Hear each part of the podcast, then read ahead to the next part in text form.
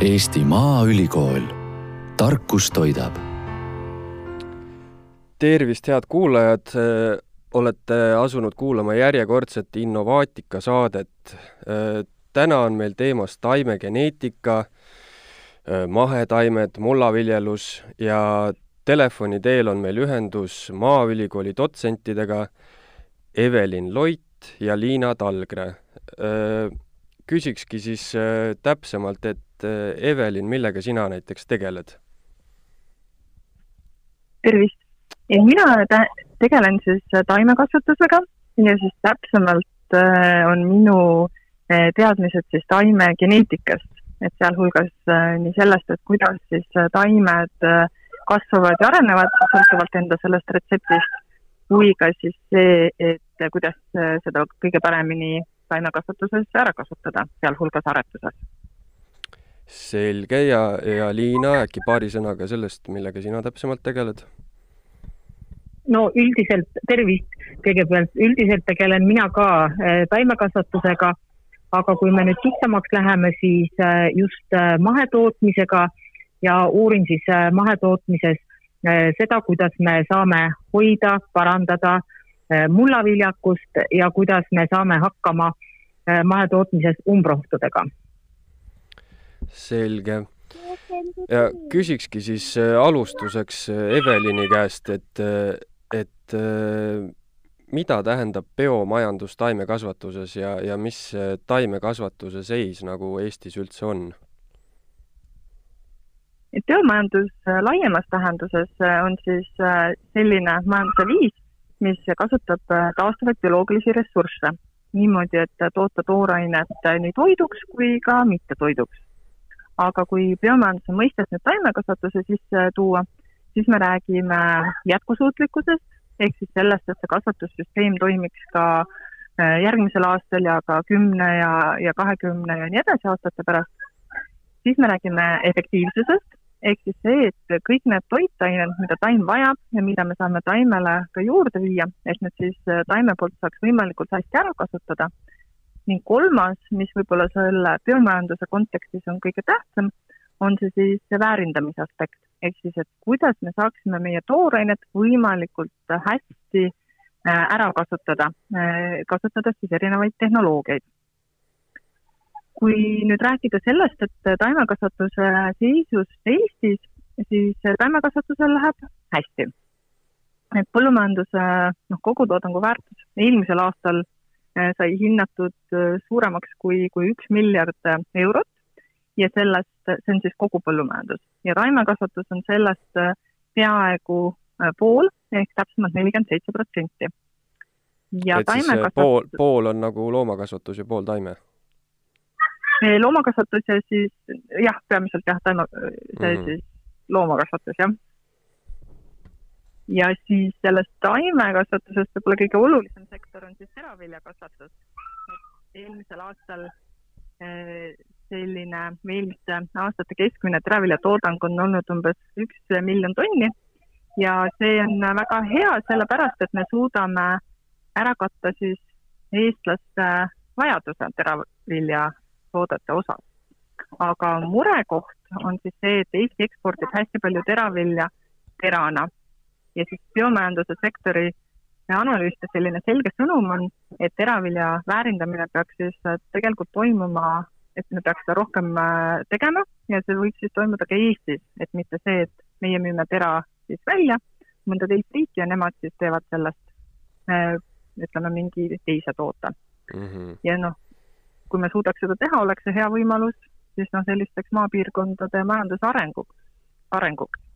Aga te ise ka tõite välja loomakasvatuse, et siis tegelikult kui rääkida väga edukast väärindamisest, siis Eesti on just rohumaadele väga hea eh, keskkond ja Eesti põllumees suudab rohumaad ülihästi väärindada piimad ja siis edasisteks eh, piima põhjal tehtud toodeteks et see on väga hea näide. aga noh, siin ka on siis see, et, et see edu tuleb äh, tugevast teadustööst, mis on tehtud äh, mõne, võib öelda isegi mõni aastakümmend tagasi.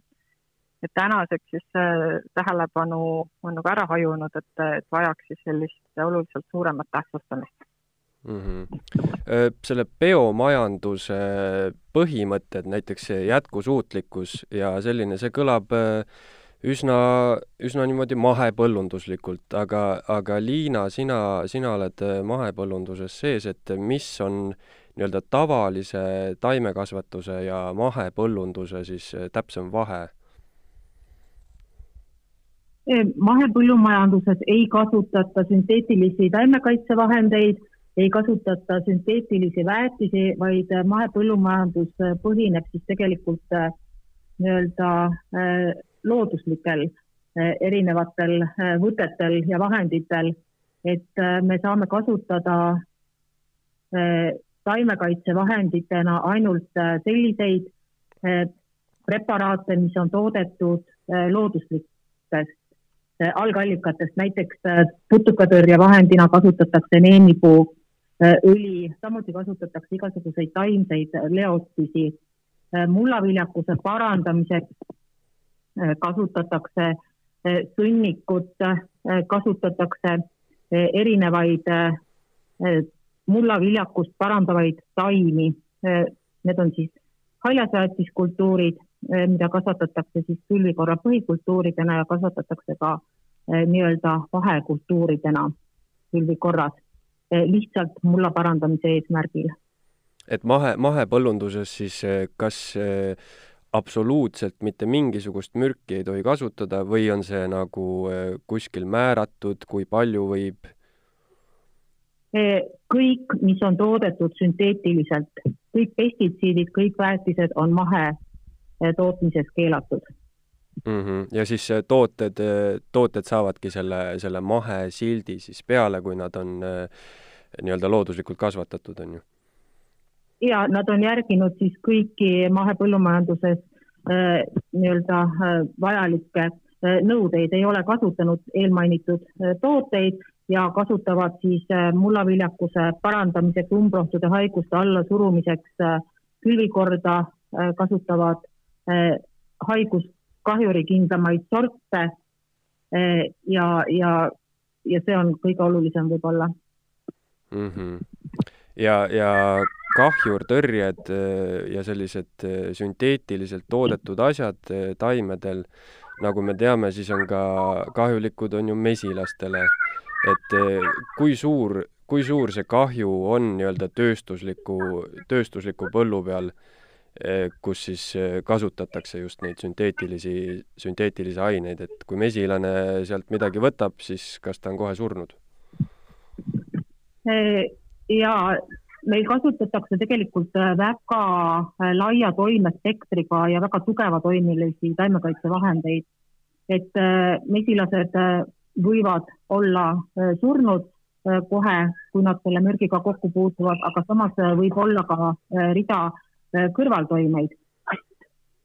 Äh, et, et maailmast on ju teada, kuidas lihtsalt mesilased saavad, nad äh, kaovad, kaotavad oma orienteerumisvõime, surevad haigustesse, mis tegelikult on ka osaliselt seotud just taimekaitsevahendite kasutamisega.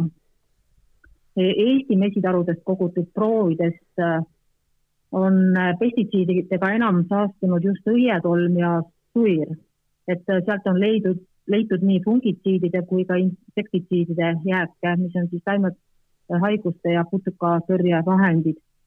Äh, aga jääke on leitud ka äh, haudmest ja meest ja, ja ka vahast, vahasse akumuleerunud ja seal püsivad pestitsiidid on potentsiaalselt siis ohtlikud just mesilasemaa arengule. põhimõtteliselt erinevad kui, kui nüüd äh, mõelda sellele, et äh, et kui mesilased ära kaovad, siis mida see nagu täpsemalt meile tähendab? Äh, see tähendab seda, et pikapeale kaovad ära kõik sellised taimed, mis on putuktolmeldatavad, ehk siis need on need taimed, mis on õistaimed, et jäävad alles siis enamus kõrrelisi. Ja, ja kõrrelistest siis nagu Evelini, ja, ja nagu Eveliniga rääkisime, on, on ju teraviljad. Evelini käest tahakski küsida, et et sa mainisid, et me toodame teravilja ainult nagu nii-öelda teradena. et mis nagu Eesti taimearetuses siis üldse praegusel hetkel toimub ja, ja kuidas seal asjad on? Eesti on noh, selles mõttes hästi eriline riik, et meil on oma riiklik selline sordiaretuse kompetents olemas ja siis noh, tegelikult äh, põhimõtteliselt äh, võib öelda, et nüüd sada aastat on juba aretatud siis selliseid sorte. Ja seda siis nii teravilju, neid rik-, äh, nisu, rukis, kaer, oter, rohumaa sorte, sealhulgas ka, või siis lisaks veel kaunvilju, mis siis on sobivad kasvatamiseks just Eesti tingimustes, et nad äh, noh, võib-olla nad ei anna just rekordsaake, mida saaks võrrelda maailma tasemel, aga see-eest on nad kohanenud siis Eesti talvedega, eh, saavad hakkama selliste hiliste öökülmadega, et see on see, see rikkus. ja, ja siis hästi positiivne on ka see, et, et koostöös siis geeniteadlastega on siis asutud uurima ka võimalusi, et et saada näiteks resistentsust erinevate, erinevatele haigustekitajatele. et üks selline positiivne näide on siis see, et Tallinna Tehnikaülikooli geeniteadlaste ja Eesti Taimekasvatuse Instituudi koostöös on siis loodud selline äh, nisu, suvinisu mooni edasi arendatud sort, mis on resistentne jahukastele. et see on siis selline üks, üks, üks teraviljade haigus Eestis et põhimõtteliselt meil ikkagi Eestis tegeletakse sellega, et, et me saaks nii-öelda siin kliimas kasvatamiseks mõeldud, mõeldud nagu taimi kasvatada. Et mis on näiteks, ütleme, Eestis kasvatatud kaera ja kuskil, ma ei tea, Hollandis kasvatatud kaera siis erinevused?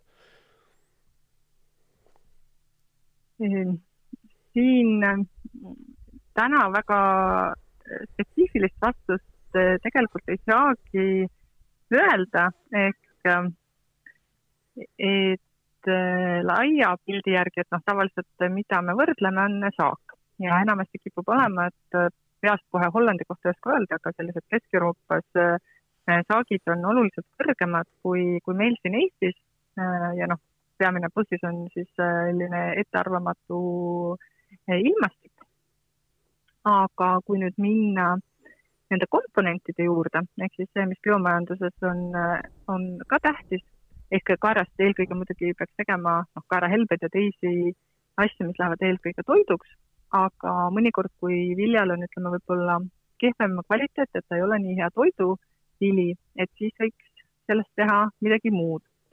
ja selles osas tegelikult väga palju infot veel ei ole, aga me oleme selle äh, Äh, seda uurimas, ehk siis, et nii selle, meil on üks biomajanduse projekt kui ka siis üks, loodetavasti järgmisel aastal me hakkame uurima teraviljade komponentide sisaldust ja siis, et äh, just, et leida üles, et mille osas võiks see Eesti kaer või siis ka mõni teine teravilja, teravili olla just äh, teistest võib-olla suurema sisaldusega mm. -hmm.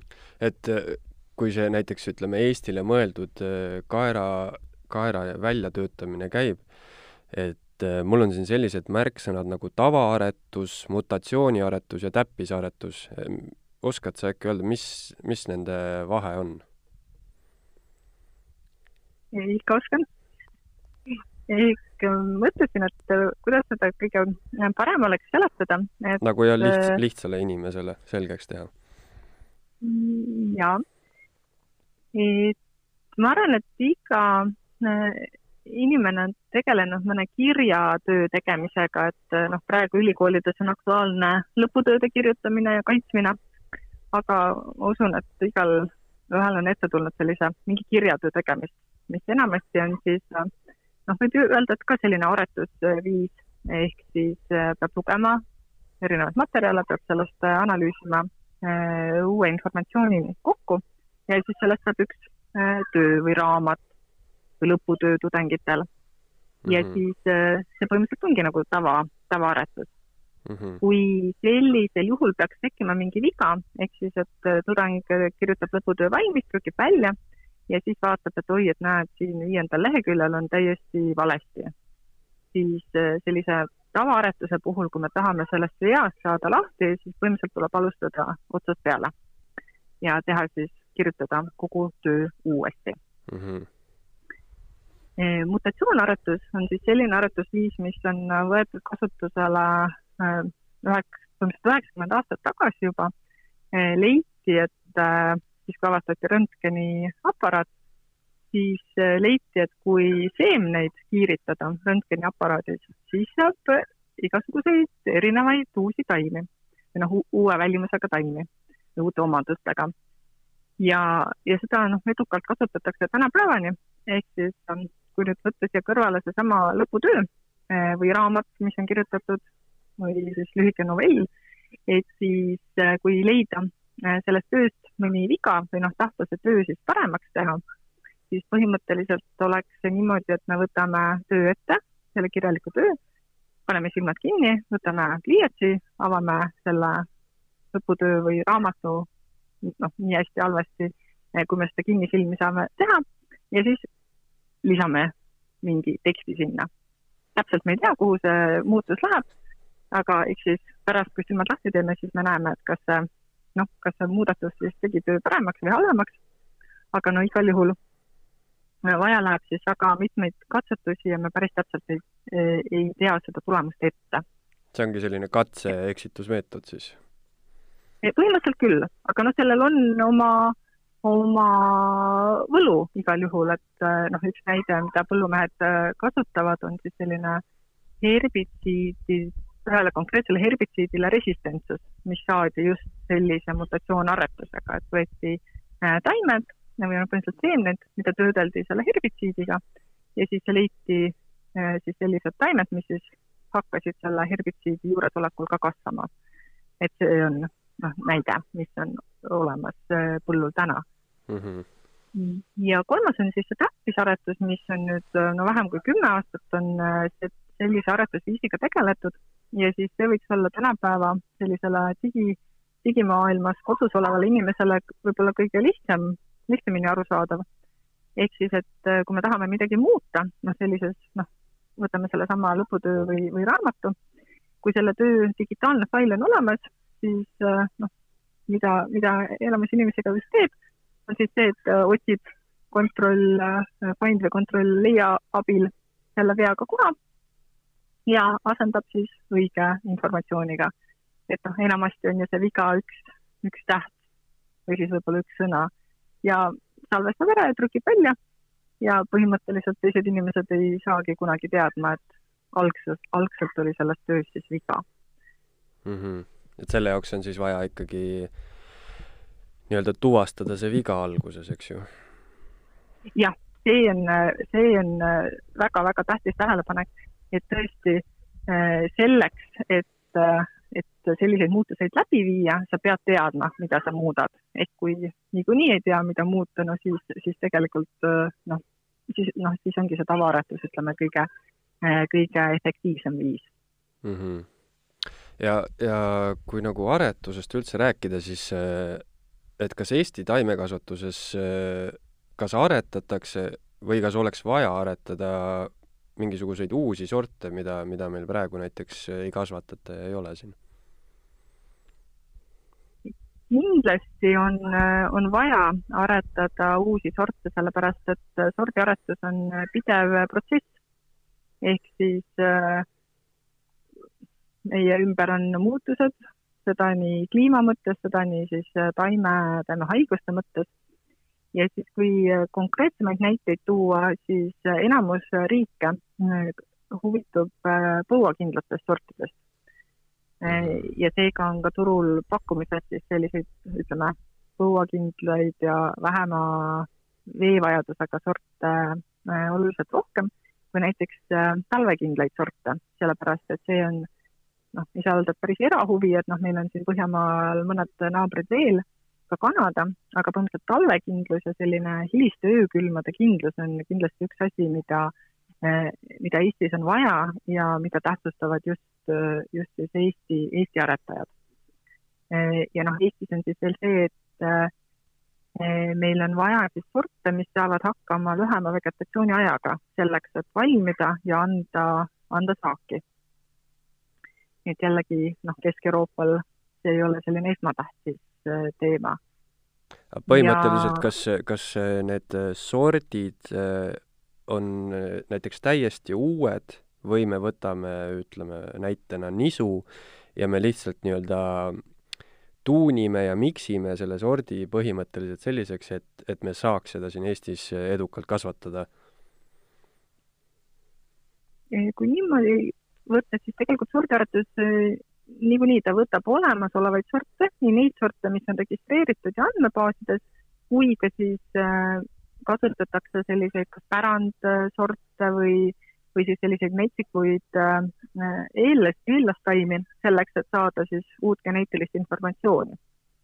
et noh, selles mõttes võib öelda, et iga sordi loomine on mõnes mõttes sellise eelmise sordi tuunimine või paremaks tegemine. ja, ja et, et päris nagu uut kartulit äh, me leiutama ei hakka, eks ju? Põhimõtteliselt äh, mitte jah, et see selline tava, tavaaretuse plaan ei ole mm. -hmm. Siinkohal äh, rääkides taimedest ja uutest sortidest, siis äh, kuhugi tuleb need taimed ka kasvama torgata. ja Liina käest tahaks küsida Eesti mulla kohta. kui viljakas on Eestimaa muld? Ja Eestis on meil väga erineva viljakusega muldi ja kõige viljakamad mullad asuvad näiteks Viljandi ja Järvamaal. Ja meie tootjad kasutavad üsna mõistlikus koguses mineraalväetisi ja nendega on siis mullaviljakust ka võimalik mõnda aega parandada, kuid peab arvestama sellega, et väetiste liiga suures ja võib-olla ka ühekülgse kasutamisega mulla omadused halvenevad ja, ja kindlasti ei tohi siis mulla omaduste hoidmisel ja parandamisel äh, tahaplaanile jätta ka sõnnikut, mida tegelikult meil on suhteliselt vähe kasutada praegu, aga sõnniku kõrval on siis oluline kasutada ka erinevaid haljasjäätisi. Et kui nüüd rääkida sellest mullast ja mulla probleemidest võib-olla natuke laiemalt, siis FAO juba kahe tuhande viieteistkümnenda aasta andmetel oli maailma põllumaast kolmkümmend kolm protsenti degradeerunud erinevatel põhjustel, näiteks erosiooni, tihenemise, hapestumise, sooldumise või kemikaalidega saastumise pärast. ja kahe tuhande seitsmeteistkümnendal aastal läbi viidud üks eh, teadusuuring näitab, et Euroopa põldudest või muldadest kakskümmend üks protsenti on saastatud näiteks glüfosaadiga ja nelikümmend kaks protsenti koguni hambajääkidega, et hambajäägid on siis AMPA on glüfosaadi laguprodukt, mis on siis tegelikult glüfosaadist palju püsivam äh, mullas ja, ja, ja ka palju äh, mürgisem.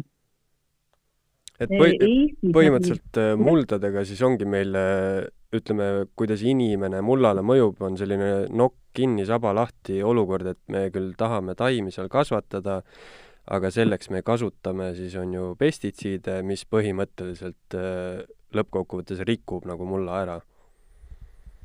just, et äh, tegelikult pestitsiidi jäägid äh, jäävad mulda ja mõjutavad nad siis tegelikult kogu mulla elustikku, nad mõjutavad kahepaikseid, nad jõuavad lõpuks tegelikult ka meie endi toidulauale.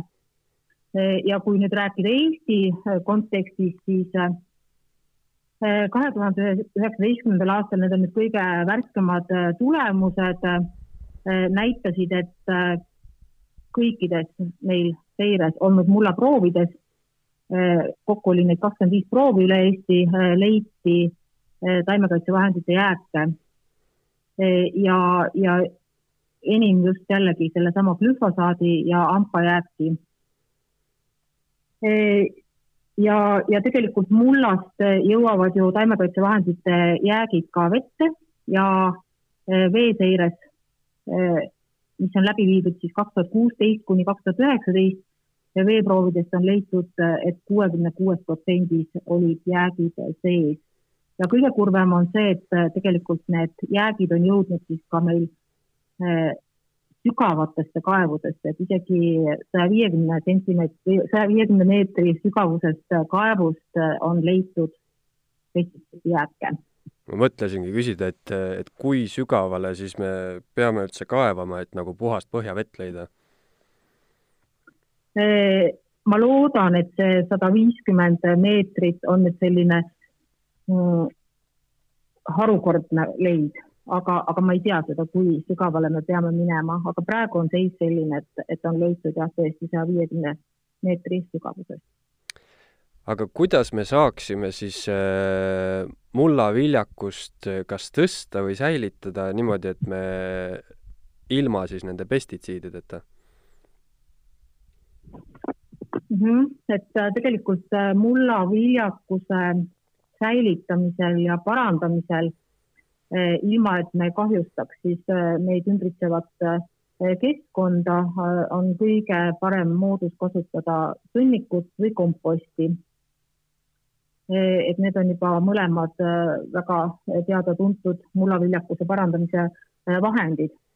et nendega viime me lisaks orgaanilisele ainele ja toitainetele põllule ka erinevaid kasulikke mikroorganisme mis jällegi omakorda aitavad äh, orgaanilist ainet lagundada ja, ja selle tulemusena pääsevad siis toitained äh, loodusest taas ringlusesse ja, ja need kultuurid, mida me kasvatame, saavad oma toitained sealt siis kätte.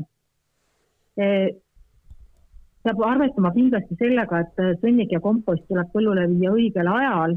see tähendab seda, et, et me ei vii teda kunagi külmunud maale, ei pane lume peale Eh, ja eh, kindlasti siis kultuurile eh, sobivas koguses. ja oluline on ka see, et see sõnnik või kompost saaks võimalikult kiiresti mulda haritud, et ei toimuks toitainete lendumist õhku. ja praegu ongi häda selles, et meil paljudel ettevõtetel ju sõnnikut kasutada ei ole, siis sõnniku asemel külvatakse mulla parandamiseks erinevaid liblikõielisi Äh, kultuure ja järjest rohkem tõusevad päevakorrale ka talvised vahekultuurid, mis külvatakse siis tegelikult selleks ajaks, kui meil muld oleks muidu ilma pinnakatteta. ja, ja nende üks suur roll on see, et nad hoiavad ära siis toitainete leostumist. tahtsingi küsida, et kas mullale saab nii-öelda puhkust, puhkust kanda siis vahekultuuride kasvatamisega? Eh, ja et eh, see vahekultuuride teema on nüüd eh, selline hästi arenev ja, ja suurenev järjest ja, ja just mahetootjad on hakanud vahekultuure kasvatama ja tegelikult ka tavatootjad.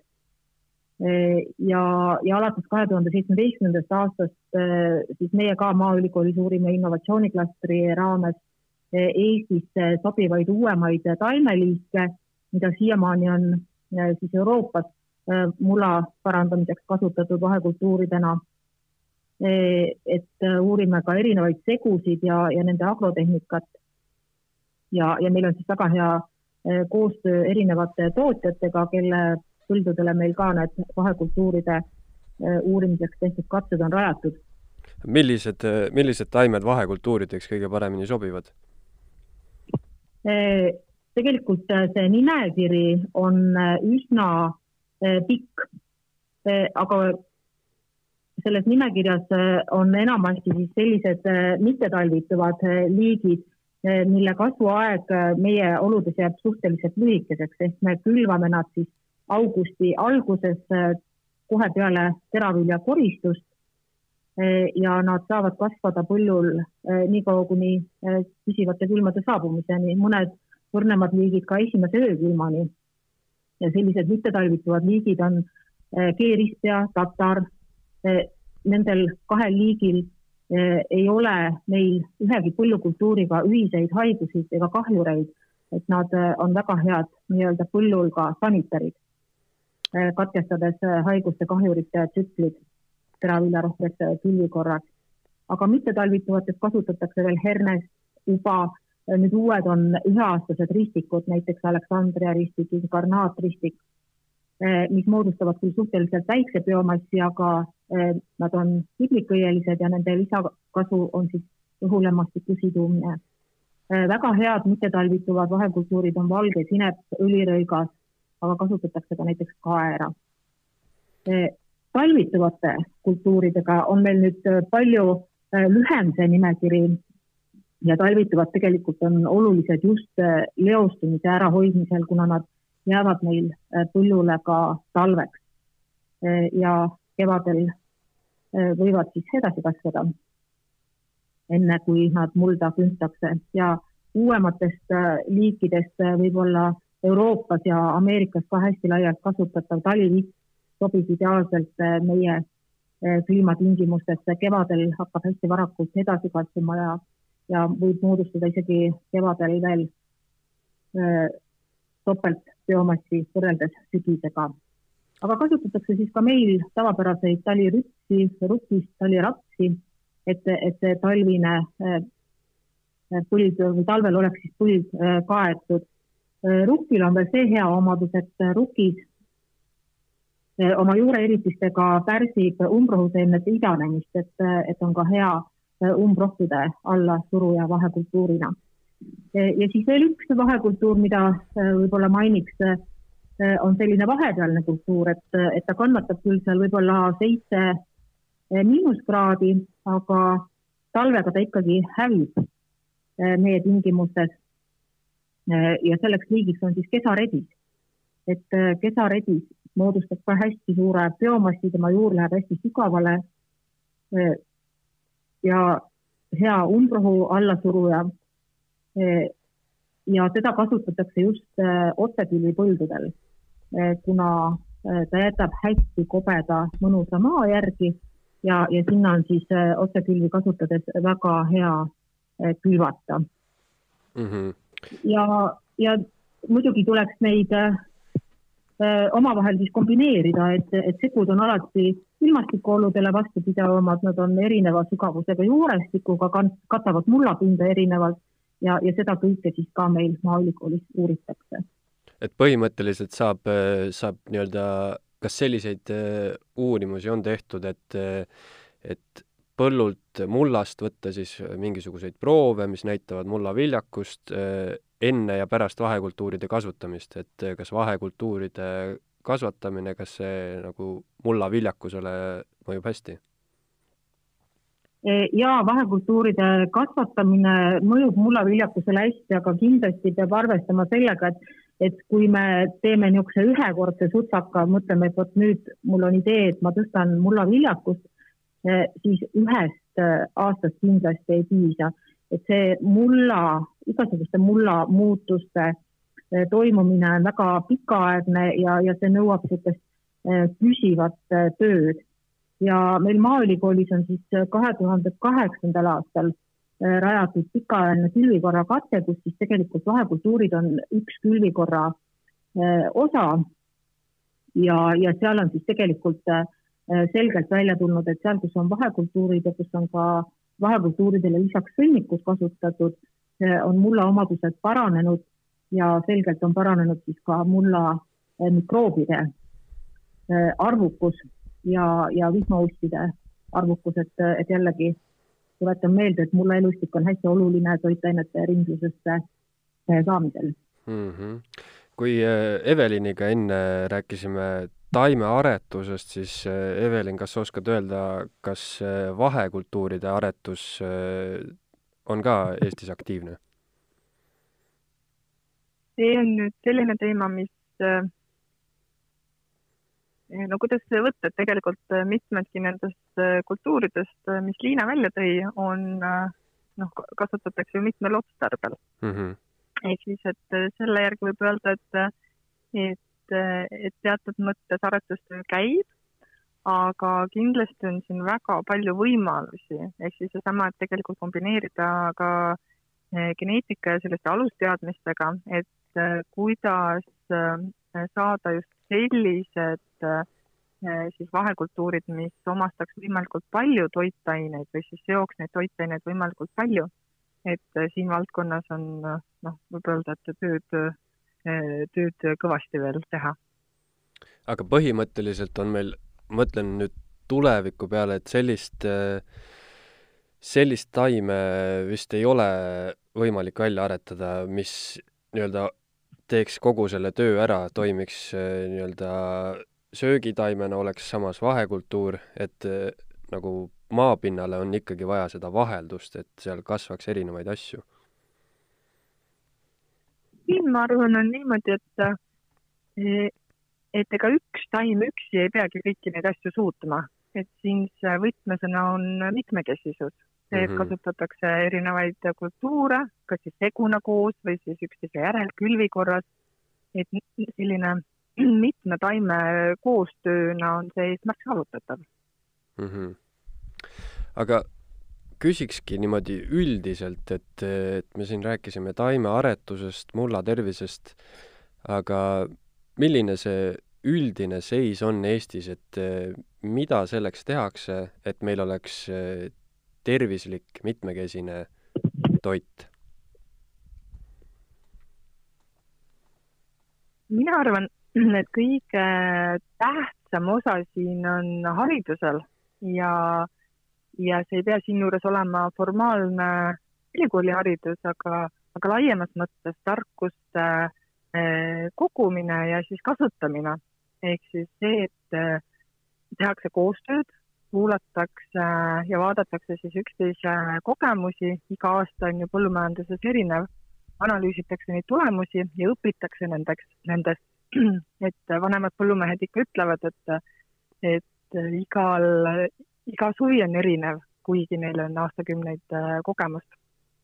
ja siis eriline rõõm on nagu näha, et äh, meie Eesti Maaülikooli taimekasvatuse tudengid, kes siis õpivad põllumajandussaaduste tootmise ja turustamise erialal, et aastatega on nende analüüsivõime minu arust oluliselt paranenud. et selle jaoks või noh, üks põhjus seal kindlasti on suurem äh, Äh, praktika osakaal, et nad saavad enda teadmisi katsetada põllu peal ja siis äh, praktika suurtes äh, või noh, välja kujunenud põllumeeste juures.